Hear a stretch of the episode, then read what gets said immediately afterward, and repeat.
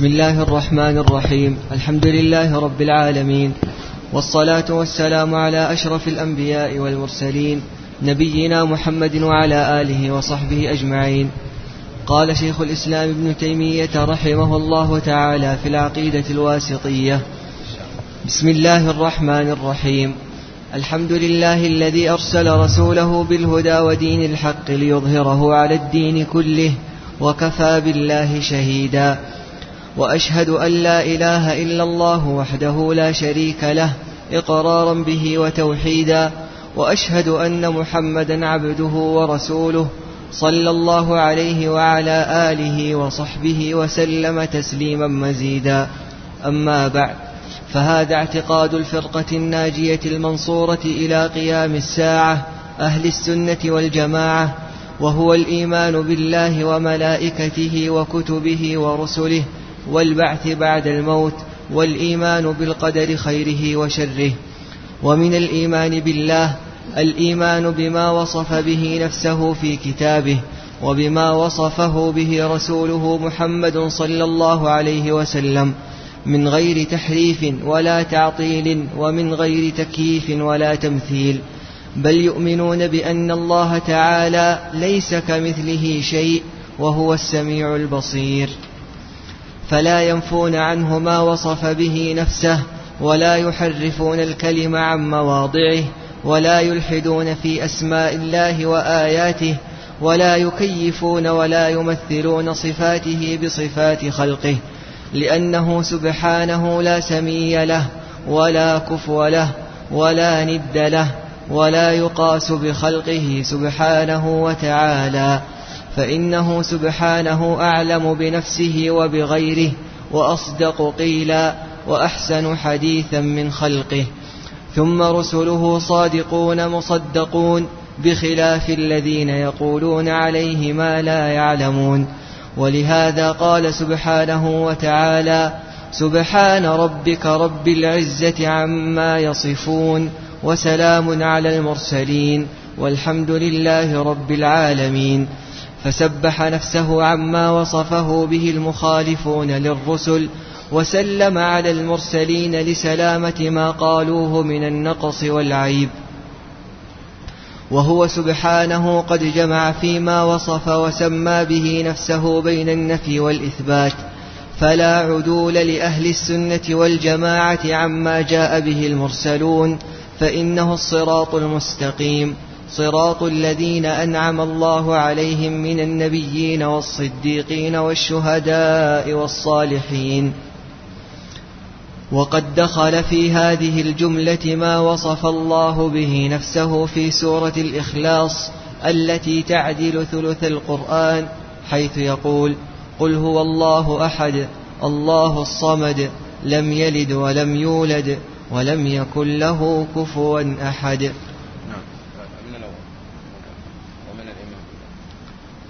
قال المصنف رحمه الله ومن الإيمان بالله الإيمان بما وصف به نفسه في كتابه. بسم الله الحمد لله والصلاة والسلام على رسول الله. من الإيمان بالله يعني بعض الإيمان بالله. وتقدم معنا أن الإيمان بالله يتضمن الإيمان بربوبيته وألوهيته وأسمائه وصفاته والإيمان بوجود الله سبحانه وتعالى. من الإيمان بالله الإيمان بتوحيد الأسماء والصفات. يعني بعض الإيمان بالله الإيمان بتوحيد الأسماء والصفات وقال أنه ذكر لك الآن مجمل اعتقاد أهل السنة والجماعة والآن يأتيك بمجمل اعتقاد أهل السنة والجماعة في في الأسماء والصفات. وتقدم معنا بفضل الله ومنه آه، في درس الأمس آه، شرح الإيمان وشرح أركان الإيمان. طيب ومن الإيمان بالله الإيمان بما وصف الله سبحانه وتعالى وسمى به نفسه في كتابه. وقال هنا الوصف ولم يذكر الأسماء. قال إما لأن الأسماء كل اسم متضمن للصفة. صحيح؟ نعم. فالإيمان بالصفات يتضمن الإيمان بالأسماء. أو لأن لم ينكر أحد إلا الغلام من الجهمية أنكروا الأسماء ولا الأصل أنهم يثبتون الأسماء وينكرون الصفات هؤلاء الجهمية. ولذلك هو ركز على الصفات في كتابه أو على لسان رسوله صلى الله عليه وسلم. وهذا تقدم معنا أن الأسماء والصفات توقيفية يعني لا مجال للعقل ولا اجتهاد فيها. لكن قلنا أن العقل لابد يثبت لله سبحانه وتعالى كل صفة كمال وينزه الله سبحانه وتعالى عن كل صفة نقص وعيب لكن من حيث الإجمال لا من حيث التفصيل. من حيث التفصيل لابد الرجوع إلى الكتاب والسنة الصحيحة. نعم.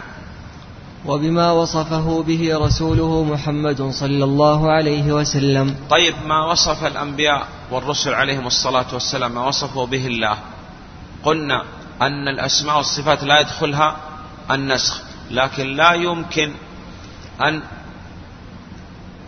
نثبت شيء لم يرد في الكتاب والسنة. فإذا ورد في الكتاب والسنة علمنا أولا الصحة الثاني علمنا أن هذا الأمر لا يمكن أن ينسخ بخلاف لو جاءنا من التوراة أو من الإنجيل أو غيرها هذا قال لا نصدق ولا نكذب.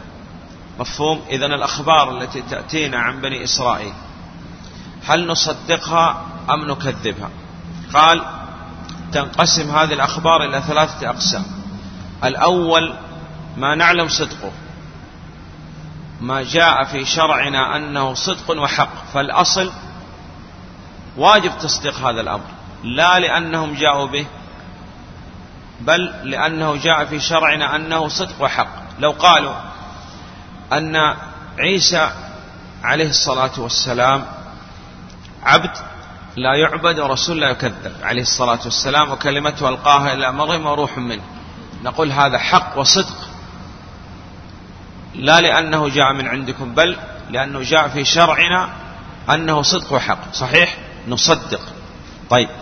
الثاني ما جاء في شرعنا أنه يعني ما يكذب ما يأتون به. مثال لو قالوا أن عيسى ثالث ثلاثة.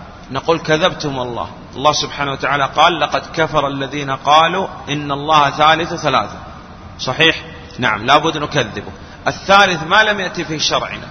لا تصديق ولا تكذيبه فهذا نتوقف فيه. مثاله يقول أنه ملك الموت اسمه عزرائيل نقول هذا لم يأتي في شرعنا. لا تصديق ولا تكذيب فهذا نتوقف فيه ولا نصدق ولا نكذب. لكن هل معنى هذا أننا نطالع في كتب هؤلاء؟ قال لا لأن النبي صلى الله عليه وسلم قال أمتهوكون لو كان عيسى حيا لما سعنا إلا نتبعني. هذا قاله لمن؟ لعمر رضي الله عنه عندما لقيه وكان في يديه صحيفة وكذا. نعم. إذا ما جاء به النبي عليه الصلاة والسلام وفي هذا ما جاء به النبي صلى الله عليه وسلم كفاية. وقال الله سبحانه وتعالى اليوم أكملت لكم دينكم وأتممت عليكم نعمتي ورضيت لكم الإسلام دينا. نعم. من غير تحريف ولا تعطيل. تقدم معنا أنه التحريف تعريف التحريف وإقسام التحريف والتعطيل والتكييف والتمثيل ولماذا عبر لماذا عبر شيخ الإسلام بالتحريف ولم يعبر بالتأويل ولماذا عبر بالتمثيل ولم يعبر بالتشبيه؟ لأنه قلنا هذا هو نص القرآن وغيره. تقدم معنا والفرق بينهما ذكرناه فلا داعي للإعادة الآن. نعم. من غير تحريف ولا تعطيل ومن غير تكييف ولا تمثيل. نعم. بل يؤمنون بأن الله تعالى ليس كمثله شيء وهو السميع البصير. هذه الآية فيها قواعد عند أهل السنة والجماعة. القاعدة الأولى ليس كمثل شيء فيها التنزيه. والقاعدة الثانية الإثبات وهو السميع البصير. والقاعدة الثالثة أن طريقة القرآن التفصيل في الإثبات والإجمال في في النفي. وسوف يأتي معنا إن شاء الله شرح الكاف في كمثله تأتينا إن شاء الله تعالى. المهم يقول أن طريقة أهل السنة والجماعة إثبات وتنزيه والمعالي معلومة والكيفية علمها عند الله والسؤال عنها بدعة. يقول هم لا يحرفوا ولا يعطلوا ولا يكيفوا ولا يمثلوا بل يثبتوا مع التنزيه والمعاني معلومة الكيفية علمها عند الله والسؤال عنها بدعة. نعم. فلا ينفون عنه ما وصف به نفسه. فلا ينفون. هذا دليل أنهم يثبتون كل ما وصف وسمى به نفسه في كتابه وعلى لسان رسوله صلى الله عليه وسلم وهذه هي طريقة أهل السنة والجماعة. إثبات كل ما أثبت الله لنفسه وأثبت له رسوله صلى الله عليه وسلم في السنة الصحيحة. نعم. ولا يحرفون الكلم عن مواضعه. أخذنا التحريف التغيير والتحريف. قلنا إما تحريف في الألفاظ أو تحريف في في المعاني. ولا يحرفون الكلمة عن مواضعه. نعم. ولا قلنا هو أولى أن يوصف هؤلاء بأنهم محرفة لا مؤولة لأن التأويل ليس كله مذموم. ما دل عليه دليل فهو صحيح مقبول وما لم يدل عليه دليل فهو فاسد مردود. والتأويل يأتي بمعنى التفسير ومنها قول كثير من المفسرين منهم ابن جرير رحمه الله طبري يقول تأويل هذه الآية اتفق أهل التأويل يعني أهل التفسير. اللهم فقهه في الدين وعلمه التأويل يعني التفسير. الثاني التأويل يأتي بمعنى ما يؤول إليه الشيء إذا كان خبر أو ما أو عمل إذا كان طلب. ما يؤول إليه الشيء يوم يأتي تأويله يعني وقوع هذا الأمر. وقالت عائشة رضي الله عنها كان النبي صلى الله عليه وسلم يكثر يقول في ركوعه وفي سجوده سبحانك اللهم ربنا وبحمدك اللهم اغفر لي يتأول القرآن أي يعمل به. لأن الله سبحانه وتعالى قال له فسبح بحمد ربك واستغفره إنه كان توابا. فكان يعمل بهذا يكثر أن يقول في ركوعه والسجود الثالث ذكرنا أمرين الآن. الثالث في التأويل يأتي التأويل بمعنى صرف اللفظ عن ظاهره. وهذا ينقسم إلى قسمين صحيح مقبول وفاسد مردود. صحيح مقبول ما دل عليه دليل مثل تأويل قوله تعالى أتى أمر الله؟ نقول سيأتي أمر الله. والدليل في الآية تكملة الآية فلا تستعجلوا. وفاسد مردود تأويل استوى بمعنى استولى. نعم. ولا يلحدون في أسماء الله وآياته. تقدم معنا أن الإلحاد ينقسم إلى قسمين. إلحاد في الأسماء والصفات ينقسم إلى أربعة أو إلى خمسة أقسام. وإلحاد في الآيات والآيات آيات الله سبحانه وتعالى إما آيات شرعية أو آيات كونية. وأخذنا أمثلة على الإلحاد. نعم. في أسماء الله وآياته. كأنه يقول لك المصنف أن الإلحاد ينقسم إلى قسمين. إلحاد في الأسماء والصفات وإلحاد في الآيات. نعم. ولا يكيفون ولا يمثلون صفاته بصفات خلقه. نعم. لأنه سبحانه لا سمي له. لماذا؟ لا يكيفون ولا يمثلون ولا يحرفون ولا يعطلون. قال لأن الله سبحانه وتعالى سبحان يعني تنزيه الله سبحانه وتعالى عن كل نقص وعيب. وتعالى تقدم معنا العلو علو في الذات وعلو في الصفات. وأهل السنة والجماعة يركز دائما على إثبات صفة العلو. وما من كتاب يعني قل كتاب كتب أهل السنة والجماعة في الأسماء والصفات إلا لابد أن يذكر فيه صفة العلو. لماذا؟ قال لأن بإثبات صفة العلو تثبت كل الأسماء والصفات. لأن العلو علو في الذات وعلو في الصفات. وإذا أثبتنا علو في الذات وعلو في الصفات معنى هذا أنه أثبتنا كل صفات الله سبحانه وتعالى بل بعض العلماء أفرد هذه الصفة صفة العلو بمؤلف كامل مستقل. صحيح منهم الإمام الذهبي رحمه الله. صحيح؟ صحيح. نعم.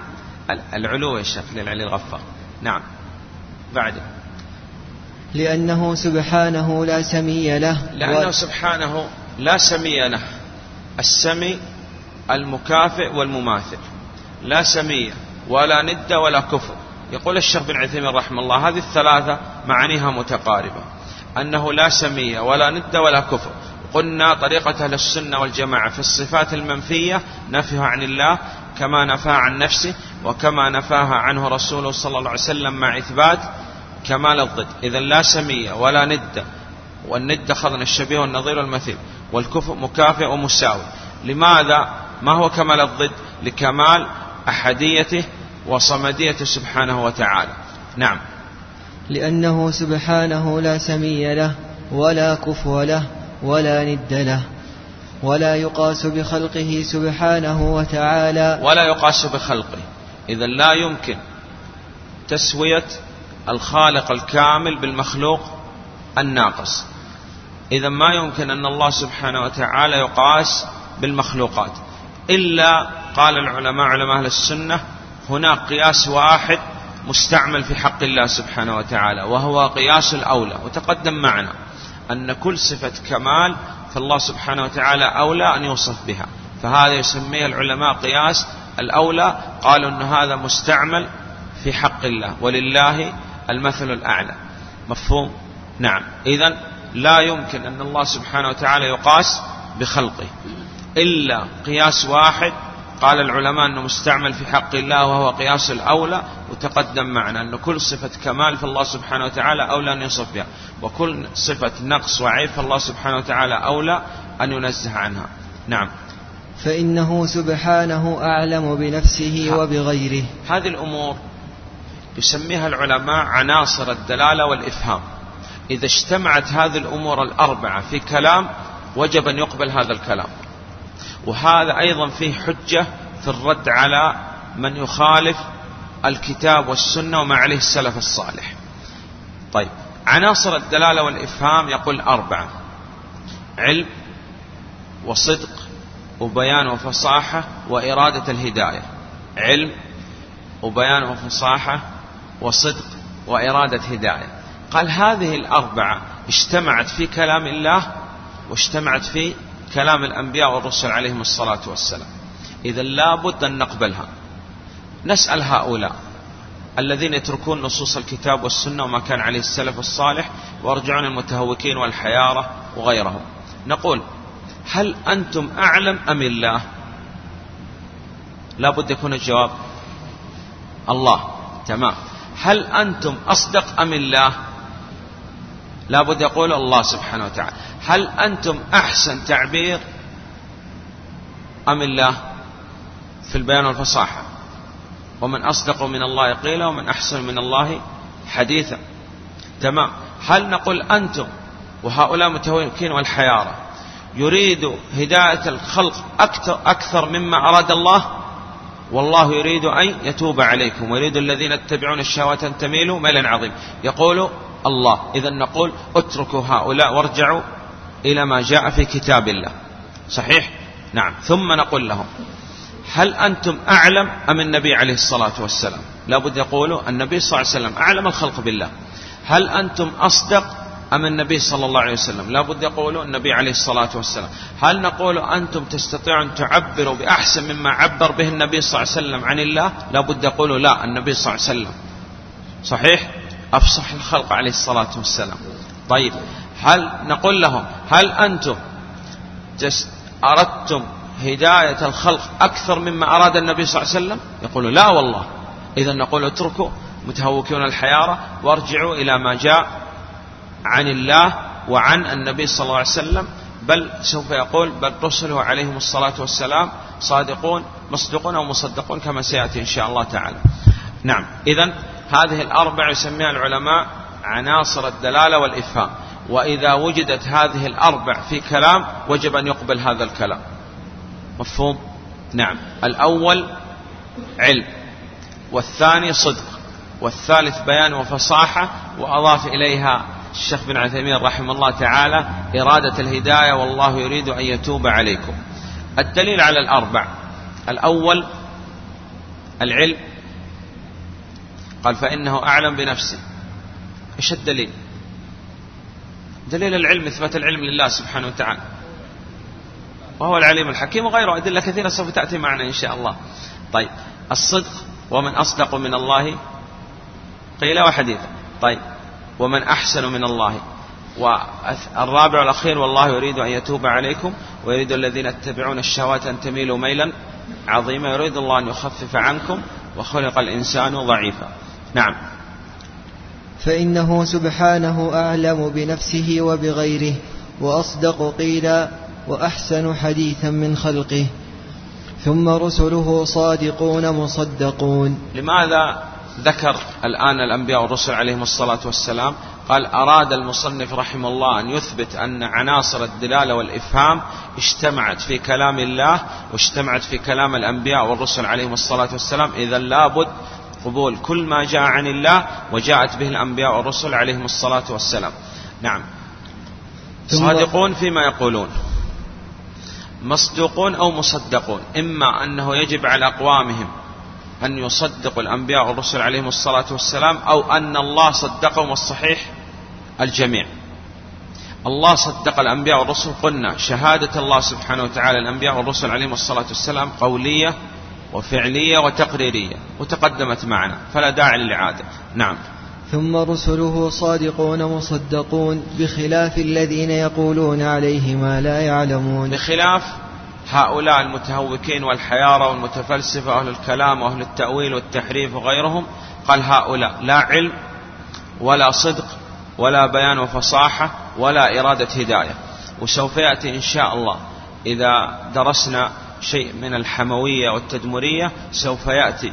أن شيخ الإسلام ابن تيمية رحمه الله يقول كيف يكون هؤلاء الذين هم أخذوا العلم من متفلسفة اليونان وأهل المنطق والكلام والصابعة وأخذوا علومهم من اليهود؟ يكون هؤلاء أعلم من الأنبياء والرسل عليهم الصلاة والسلام.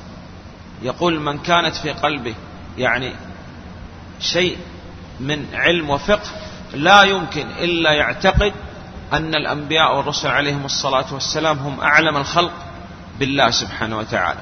وسوف يأتي معنا الرد المفصل عليهم. لكن الآن نريد أن نعرف أن عناصر الدلالة والإفهام اجتمعت في كلام الله واجتمعت في كلام الأنبياء والرسل عليهم الصلاة والسلام. وهؤلاء متهوكين الحيار مخالفين لأهل السنة والجماعة لا علم ولا صدق. ولا بيان وفصاحة ولا إرادة هداية. ويقول كيف يكون هؤلاء أعلم بالله سبحانه وتعالى؟ هم في أنفسهم قال الواحد منهم يحكم على نفسه أن طريق طريق ضلال نسأل الله السلامة والعافية. وهو متناقض في نفسه فضلا يكون متناقض مع غيره. نعم. وسوف يسرد هو شيخ الإسلام في الحموية التدمرية. في الحموية أكثر شيء أقوال هؤلاء يشهدوا على ضلال هذا الطريق. وقال أن من سلك هذا الطريق طريق المتهوكين الحيارى والمنطق والفلسفة وغيره يقول من سلك هذا الطريق لابد إذا سلك وانتهى من الطريق لابد أن يشهد على أن هذا الطريق طريق ضلال. الثاني قسم الناس في هذا الطريق يقول إلى ثلاثة أقسام. قسم سلك وانتهى. وهؤلاء أئمة هؤلاء. هذا لابد يشهد بضلال هذا الطريق. الثاني يقول لم يدخل. وقال هذا في بر الأمان الحمد لله. ولذلك حذر علماء السنة والجماعة من خوض هذا الطريق وتعلم المنطق وغيره. قال ولكن الخطر على من دخل ولم يخرج. هذا الخطر. وهو يقول شيخ الإسلام يقول أكثر يعني من يرد عليهم أهل التأويل وهم في الحقيقة الأولى نسميهم أهل التحريف. نعم لأنهم يتظاهروا بنصرة الكتاب والسنة والتمسك بما عليه السلف. نعم. ولهذا قال سبحانه وتعالى سبحان ربك رب العزة عما يصفون وسلام على المرسلين والحمد لله رب العالمين. نعم وهذا قلنا عادة علماء السلف أن يذكر المسألة مقرونة بالدليل وهو سوف يشرح هذا الدليل إن شاء الله تعالى. سبحانه تنزيه الله سبحانه وتعالى عن كل نقص وعيب. ربك قلنا هذه عبودية خاصة الخاصة والعبودية تنقسم إلى ثلاثة أقسام. عامة تشمل كل مخلوق كل من في السماوات والأرض إلا آتي الرحمن عبدا. وعبودية هذه تسمى الأولى عبودية القهر. الثانية عبودية خاصة بالمؤمنين وهذه تسمى عبودية الطاعة. آه، وعباد الرحمن إن عبادي ليس لك عليهم سلطان. الثالثة عبودية خاصة الخاصة وهذه خاصة بالأنبياء والرسل عليهم الصلاة والسلام لأنه قاموا بكل عبادة أمرهم الله سبحانه وتعالى بها وأكمل عبادة عبادتهم عليهم الصلاة والسلام. ووصف الله سبحانه وتعالى النبي عليه الصلاة والسلام بالعبودية في أعلى مقامات الرسالة سبحان الذي أسرى بعبده وإن كنتم في ريب ما نزلنا على عبدنا فأوحى إلى عبده ما أوحى تبارك الذي نزل الفرقان على عبده ثم قال في الأنبياء والرسل واذكر عبادنا إنه كان عبدا شكورا وغيره. إذا العبودية ثلاثة أقسام. سبحان ربك ذكر له هنا عبودية خاصة خاصة للنبي صلى الله عليه وسلم. آه، رب العزة عما يصفون عما يصف هؤلاء المخالفون للأنبياء والرسل عليهم الصلاة والسلام. وسوف يشرحها الشيخ شرح وافي إن شاء الله تعالى. نعم. فسبح نفسه عما وصفه به المخالفون للرسل. وسلم على المرسلين لسلامة ما قالوه من النقص والعيب. نعم. والله أعلم. وصلى الله على محمد وعلى صحبه وسلم.